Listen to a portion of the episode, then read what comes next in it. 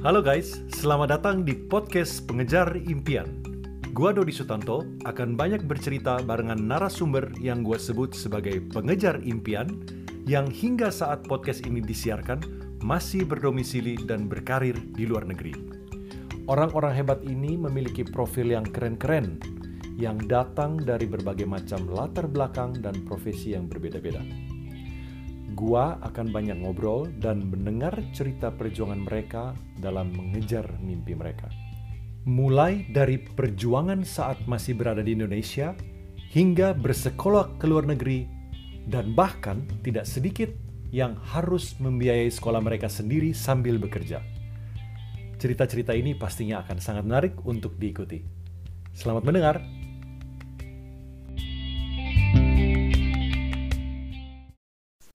Oke, kita tarik ke belakang sedikit ya, Sar ya. Jadi hmm. um, dengan dengan segala apa profesi yang lu lakukan sekarang, menurut gua keren banget gitu. Um, dan hal-hal itu kan datang dari perjalanan ya, dari proses uh, pekerjaan dari yang satu ke yang lainnya gitu. Nah, tetapi pertanyaan gua sebelum lu sampai di titik yang sekarang ini, uh, lu ngelihat nggak sih misalkan saat lu sekolah gitu di sana, oke lu berangkat ke luar negeri, lu sekolah, terus lu melihat sekeliling gitu, mungkin ada beberapa orang Indonesia juga, terus lu ngelihat gitu bahwa oke okay, gue memang mau uh, coba nih berkarir di luar negeri gitu. Atau lu ngelihat persaingan di kiri kanan lu gue bisa nih kayaknya. Eh, lu melihat diri lu di sana nggak saat itu? Atau uh, apa yang memacu lu untuk memang lu mau berkarir di luar negeri gitu? Instead of uh, you know uh, going back for good. Hmm.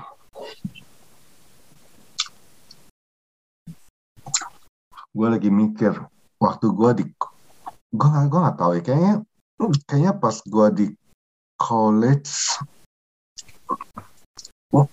gue nggak tahu kenapa gue mau gue lagi mikir kenapa gue nggak mau balik Indo ya gua, waktu waktu gue cuma tahu gue mau coba di Amerika mm -hmm.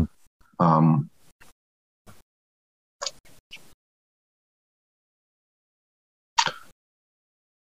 Wah, 20 tahun lalu, Dot. Gue juga iya. lagi mikir.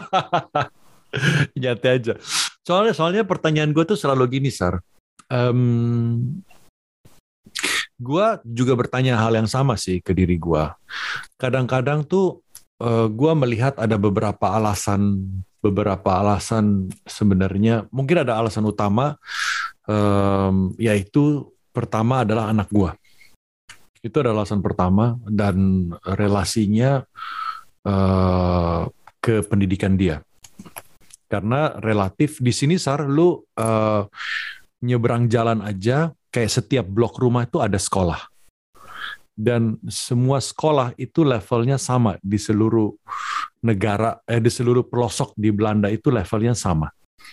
Dan itu bisa mereka pastikan. Nah itu alasan pertama. Kalau di Indonesia kan lu mau cari sekolah yang ya tentu levelnya pasti uh, berbeda-beda Iya sih, lu lu lu kan udah nggak usah sosok cari masukin wain beres. Iya pasti. Tapi kan itu sar, lu harus ke lokasi tertentu, lu harus traveling. Bahkan uh, misalkan lu di kota-kota besar yang uh, di Indonesia ya, uh, lu nyebrang jalan pasti ada sekolah sih. Tapi levelnya terjamin nggak dibandingkan lu harus nyetir dua jam, satu jam macet dulu, terus lu dapat sekolah yang oke. Okay. Kayak gitu loh maksud gue. Uh, jadi belum merata pendidikannya. Nah, makanya kalau orang tanya ke gue, kenapa lu nggak balik ke Indonesia? Alasan utama gue adalah anak gue. Karena gue mau dia dapat pendidikan yang yang baik dan relatif uh, murah dan bahkan gratis. Gitu. Gue rasa, wah, gue yakin pas gue umur 21, 22, pas gue lulus universitas gue nggak kepikiran ke arah pendidikan buat anak sih Oke, okay, ya karena kita belum itu. berkeluarga saat itu kan. Ya, um, ya. Maksud gue ya, ya, oke. Okay. Terus, terus. Dan dan lucu lu bilang pendidikan, soalnya sekarang kita, kita kan lu tau gue homeschool. Yes. Dan gue homeschool, kita buat pendidikan kita lihat dari kurikulum apa matematika misalnya kita ambil Singapura punya, hmm. bukan Kanada. Kita ambil dari okay. dari dari kurikulum Singapura. Um, gua rasa waktu itu ya, lu mesti ingat generasi kita kita keluar, wow, lu lu sekolah di Indo dulu kan, gua Yeah. keluar kan. Yeah. Itu tak habis tahun 98. Yes. Dan sebelum tahun 98 pun, gue udah kerasa banget disk- diskriminasi di Indonesia terhadap apa minoritas. Betul. Gua rasa, gua rasa mungkin itu yang bikin gua mikir, um, apa istilahnya, di Indonesia juga gua nggak dianggap setara, Ya. ngapain gua balik? Gue di luar aja deh gitu ya. Hmm. Tapi di sana dengan catatan eh, tidak sedeskriminasi itu dong. Diskriminasi sih di mana-mana juga ada. Ada pasti. Heeh. Um, di sini juga status gua minoritas kan. Mm-mm. cuma kayaknya nggak mungkin perspektif gue juga mungkin beda sama sama orang lain ya sama orang yang tinggal di Jakarta orang tinggal di Malang orang tinggal Ya, di daerah lain ya. mungkin perspektif gue beda cuma cuma pengalaman pengalaman gue terutama di bidang diskriminasi gitu di Indonesia pengalaman gue tuh nggak baik Betul. Ya. Gue juga mengalami hal itu sih, dan gue yakin banyak teman-teman juga yang ngalamin hal itu sih. Cuman oke, terus em, setelah lu eh, berada di Amerika gitu, em, lu melihat nggak sih in general orang Indonesia tuh bisa bersaing nggak sih? Dengan eh, mahasiswa-mahasiswa di sana atau internasional lainnya gitu? Pada umumnya. bersaing bersaing bisa Hmm. cuma pas lu baru graduate yang paling susah buat lu itu buat dap, li- buat dapetin perusahaan yang mau sponsor lu buat visa visa kerja Oke. Visa Oh, jadi lu kalau nggak- susah Jadi kalau lu nggak ada oh visa kerja itu artinya lu harus di hire dulu dong, baru lu dikasih. harus lihat dulu Ya, dan ya, ya, ada ya. Beberapa perusahaan mereka bahkan nggak mau nggak mau nggak mau orang yang mereka mesti kasih sponsor jadi otomatis Ya, Ini ya, bisa ya. gini, gue sebagai akuntan, salah satu target utama gue waktu itu pasti apa the big four kan, PwC, EY, Deloitte, Yes. KPMG, ya kan. PwC zaman itu buat di bidang gue mau masuk audit waktu itu gue mau ambil audit kan. Hmm. PwC buat audit, zaman itu mereka nggak kasih sponsor, mereka nggak mau ambil orang yang butuh sponsor buat visa. Jadi dari empat perusahaan satu gue nggak bisa pergi, gue tinggal Udah tiga yang gue bisa target. Yes. Ya. Dan udah itu, udah itu peraturan tentang visa juga selalu berubah kan. Mereka Mhm. kasih kuota, kuota ditambahin, kuota dikurangin, Ya. mereka sistem lottery. Jadi intinya intinya kalau kalau buat orang Indo yang mau keluar nih dan mereka nggak mau balik Indo, mereka maunya tetap di luar. Terus terang, gua mungkin bakal bilang ke mereka jangan ke Amerika. Oke. Karena susah banget gitu. Soalnya lu ke Amerika kalau tujuan lu bener-bener bener-bener nggak mau balik Indo, lu bener-bener mau kerja di luar negeri. Mhm. Lu ke Amerika belum tentu lu berhasil. Iya. Soalnya kalau lu nggak dapet, lu lu mungkin gagal bukan karena bukan karena lu nya gagal dalam bersaing, tapi karena lu nggak bisa dapet kerjaan itu. Iya. Iya. Dan lu kan setelah lulus, lu nggak bisa dong terus-terusan cari. gua nggak tahu kalau sekarang. Sekarang mungkin jang, sekarang mungkin situasinya beda dok. Jadi Ya. gue mesti bilang ya, yang ini yang gua ngomong itu cuma berdasarkan apa yang gua alamin. Betul. Sekarang mungkin beda. Yes, Sekarang mungkin 15 20 tahun yang lalu. Ya. Yes. sekarang mungkin lu lebih waktu gini waktu gua Hmm. waktu gua cari kerja nih banyak temen gua yang domestik mereka lulus mereka udah ada kerjaan mereka lulus langsung masuk kerja Mhm. sorry pas gua cari kerja pas gua lulus gua belum ada kerjaan soalnya gua nggak berhasil dapetin kerja waktu gua masih sekolah Ya. orang kan lu lulus bulan Mei lu biasa mulai cari kerja bulan September tahun sebelumnya kan. Iya. Banyak orang tuh udah udah dapat. Gua belum dapat. Um, susah cari company yang kasih sponsorship Iya. dan bahasa Inggris gua waktu itu juga masih belepotan. Jadi pas interview juga gua gua jelek kan interviewnya. Hmm. Sorry dok. It's okay. Nah, jadi gua nggak tahu gimana bulan September gua dapat kerjaan. Mhm. Gua masuk kerja, gua masih ingat gua masuk kerja September tanggal 27. Langsung gua masuk kerja, langsung dia proses aplikasi buat visa kerja gua. Iya. Seminggu kemudian kuotanya habis. Soalnya waktu itu Waduh. zaman itu pakai kuota, kuota habis. Ngepas. Jadi kalau jadi kalau waktu itu gua nggak dapat kerjaan minggu itu, bulan itu, 15. gua hilang. Gua Iya. udah harus balik Indo. Iya. Nah, sekarang mungkin beda. Makanya gue nggak tahu sekarang kondisi seperti apa, gue nggak tahu. Hmm. Orang Berarti- Indo yang masuk ke Amerika sekarang, mereka nggak nggak graduate sampai empat tahun kemudian kan. Empat tahun Ya. kemudian kondisinya juga mungkin udah beda lagi. Iya, iya, iya.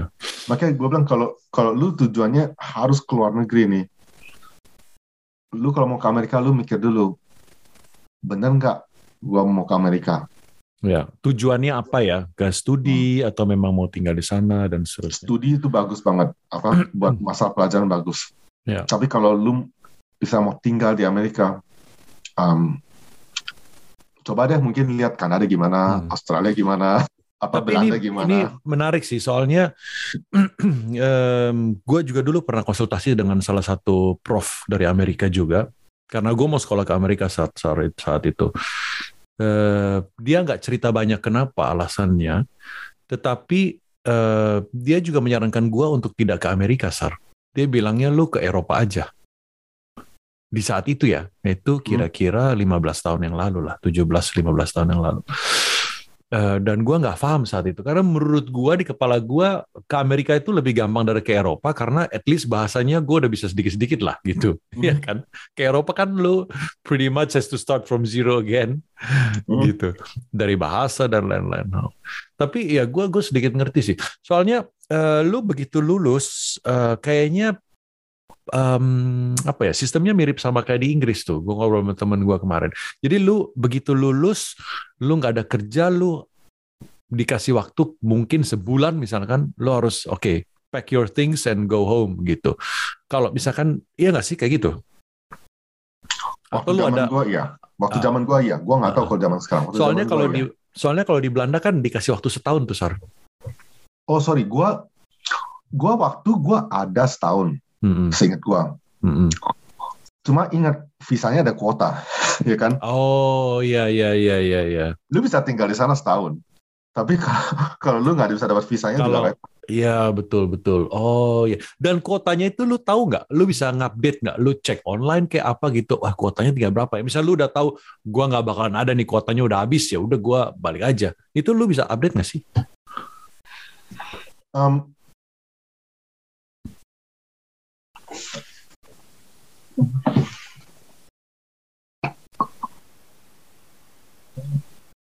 kemungkinan nggak relevan dot sekarang. Enggak ya? Nggak, kemungkinan nggak relevan. You know why? Soalnya zaman sekarang, setahu sekarang ini kayaknya kuotanya kayak habis hari pertama kayak. Waduh. Jadi hari pertama dia buka aplikasi, Karena banyak yang ngantri gua rasa. aplikasi masuk, bahkan di beberapa tahun mereka pakai sistem lotre. Iya. Jadi mereka kuota 65.000 ribu, Hmm. hari pertama ma- seminggu pertama lima hari pertama masuk 195.000 ribu, mereka kasih lotre satu dari tiga orang dapat. Yes. Um, jadi biasa gini, biasa kalau lu sekolah nih, um, lu kan lulus biasa lulus bulan Mei. Oh. Lu masuk, lu nggak usah visa kerja dulu. Lu pakai, lu masih pakai visa visa pelajar. Mhm.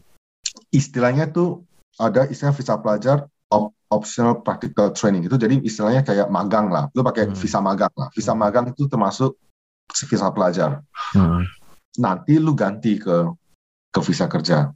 Hmm. Nah, pas zaman gua itu OPT itu berlaku setahun. Ah. Zaman yang visa magang tuh setahun. Zaman sekarang kemungkinan kalau lu ambil ambil STEM ya, science, technology, mathematics, engineering, kemungkinan lu dapat tiga tahun. Gue juga lupa. Makanya gue bilang pengalaman gue bakal beda banget sama yang sekarang. Iya, Nah. aturannya juga berubah mungkin. Ya. Nah nanti lu udah pakai visa magang bulan April ya, April tanggal 1 mereka buka aplikasi buat visa kerja. Hmm. Visa kerja itu aplikasi dibuka April, tapi efektifnya tuh nanti Oktober. I see. Oke. Jadi yang gue bilang biasa April tanggal 1 dibuka, banyak orang langsung masukin. Ya. Terus pakai sistem lotre. Satu dari waktu zaman gue misalnya satu dari tiga orang dapat. Um, setahu gue tahun lalu, setahu gue tahun lalu juga sistem lotre. Soalnya teman kerja gue ada yang butuh visa kan. Jadi dia masuk kerja dulu tempat gue pakai visa magang. Dia dia perlu visa kerja. Dan dia bilang sama gue kayaknya, ya dia dia dia lulus lotre, dia dapat, dia menang. Aha, Dia dapat dia Wah, dapat dia hoki dapat juga dia. buat buat Oktober, buat starting dari Oktober. aha. Nah, kalau zaman gua misalnya yang gua cerita ke lu tadi, Hmm. kalau waktu itu gua masuknya telat, jadi kalau gua masuknya telat, gua bisa kerja pakai visa magang. Tapi nanti gua ada jeda, ada jeda di mana visa magang gua udah selesai, tapi visa kerja gua misalnya belum belum mulai. Saya kan Belum. ingat, Ya. lu apply April, lu mulai Oktober. Mhm. Sedangkan visa magang gua kan dari Mei sampai bulan Mei. Ya. Jadi antara Mei sampai Oktober gua nggak ada gua nggak ada izin kerja kan. Ya.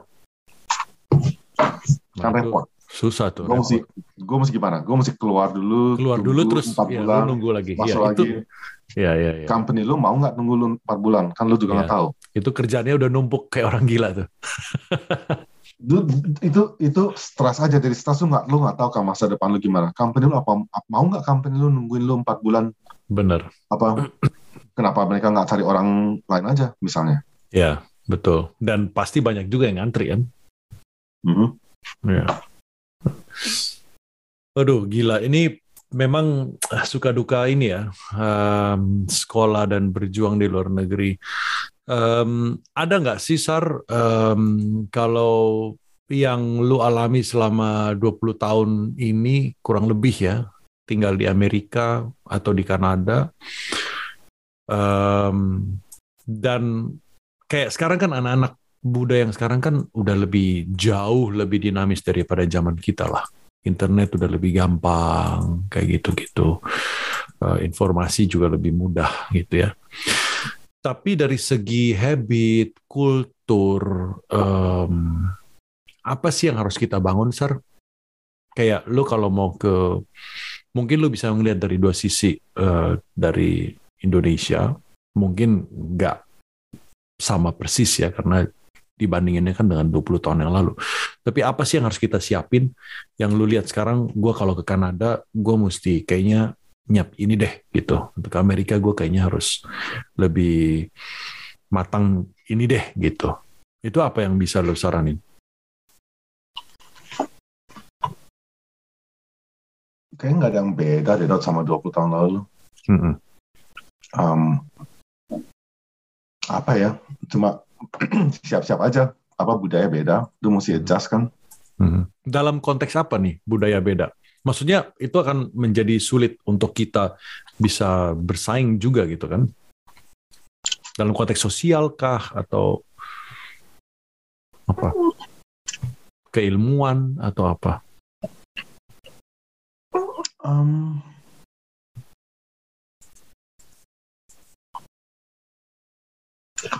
Waduh, pertanyaan lu berat banget, Dok. Gue lagi jawabnya gimana. Soalnya gini, yang em, em, yang sering gua alamin sar, gua itu kan eh, sering kedatangan ah, adik-adik dari Indo, mereka sering nginep di sini gitu. Terus kadang-kadang eh, setahun dua tahun terus balik gitu. Terus gua tuh jadi bertanya, eh, kenapa ya gitu? Mereka seharusnya bisa loh bersaing di sini atau memang pengen pulang gitu tapi juga ada gue melihat beberapa hal yang sebenarnya nggak siap secara mental misalkan. Karena kalau di luar negeri kan praktis semuanya sendiri kan sar? Gue nggak tahu kalau di Amerika sih. Tapi Ya. kalau di Eropa kayaknya gue semuanya sendiri gitu. Jadi eh, kerja keluar jadi bapak rumah tangga iya ngurus anak sendiri masak semua sendiri gitu um, dalam konteks itu juga nggak sih di Amerika atau kayak Boleh. gimana Kalau kalau lu segala-gala nggak bisa sendiri, dan ya lu nggak siap, lu nggak bakal bisa survive di sini. Hmm, Teman-teman gue semua orang Indo yang yang continue misalnya di Amerika, di Kanada, well di Amerika lah, um, ya semua kerja sendiri kan, nggak ada nggak ada, ya harus siap mandiri kan. Iya. Um, gue mau bilang kalau mau kalau lu mau lebih suk- sukses pas lu masuk sekolah misalnya, gue mau bilang misalnya jangan gaul cuma sama orang Indo doang, gaul keluar, um, buka relasi lebih luas ya buka relasi lebih luas. Cuma to be honest, itu itu bukan yang gue lakukan juga. Gue gua gaul mereka sama orang Indo juga sebenarnya. Hmm, Um, cuma gue bisa lihat, gue mungkin bisa lebih sukses kalau gue gaul sama non Indo. Iya. Um, Dan well, let me take it back. Gue ada gaul juga sama orang non Indo. Hmm. Cuma kebanyakan masih tetap cuma sama orang Asia. Gue nggak gitu gaul sama orang lokalnya misalnya nih. hmm, Um, tapi kayak kalau kalau lu coba expand, you know, your relationship, gua rasa lu bakal lebih sukses. Iya. Inggris lu nggak belepotan kayak gua waktu lu waktu lu lulus. Iya, iya. Karena kita tuh kan kebiasaan orang Asia tuh kan ini banget, Sar, komunal gitu nggak sih? Ya, Ngumpul barengan, nongkrong gitu. ya. Makan-makan ya kan. Ini kita emang habit kita aja gitu kayaknya sering ngumpul-ngumpul. Orang lokal juga, cuma Gitu ya? culture- cuma budaya beda ya. Heeh. Um, apa yang mereka lakuka- lakukan pas mereka nongkrong misalnya mungkin beda sama apa yang lu lakukan. Mungkin itu yang bikin lu nggak comfy. Betul, pembicaraannya juga ya Hmm. topik. Kadang-kadang bercandaannya eh, nggak nyambung. Yap. Gua kan sering nonton ini nih, eh, Comedy Center. Mhm. Gua lihat ini penontonnya kok ketawa ya, kok bu- buat gua kok nggak lucu ya, gitu. Terus apa gua nggak ngerti jokesnya kayaknya gitu. Sampai sekarang juga gue masih ada beberapa gue anggap nggak lucu. Gue nggak lucunya di mana. Iya, tapi gua tuh eh, demen gitu. Komedi tuh gua suka gitu. Jadi gua suka ngikutin Comedy Center gitu, suka suka dengerin gitu. Kadang-kadang gue bilang, aduh, ini lucunya emang beda aja kayaknya gitu buat gua kayaknya nggak lucu. Heeh. Aduh, tapi thank you banget nih Sar. Eh, kita udah hampir sejam loh ngobrolnya. Oh ya, Heeh, udah udah hampir udah hampir sejam kita ngobrolnya. Eh, thank you banget ini em, udah mampir ke podcast gua. Semoga bisa menjadi eh, motivasi buat teman-teman pendengar. Eh, buat yang mau sekolah ke luar negeri atau berkarir di luar negeri gitu. Kita harus eh, bisa lebih semangat dan eh, mencoba terus mencoba bekerja keras demi masa depan yang lebih baik. Thank you, Binsar. oke. hopefully We helpful for will you. talk again soon in the near future. Oke. Thank you. Bye bye, guys. Bye.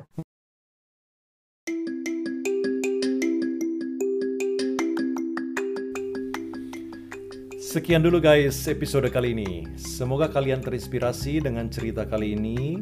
Kalian boleh DM gua untuk memberikan saran-saran atau ide para narasumber yang gokil-gokil perjuangannya agar bisa gua ajakin ngobrol juga. Thank you ya guys dan jangan lupa untuk mengejar impian kalian.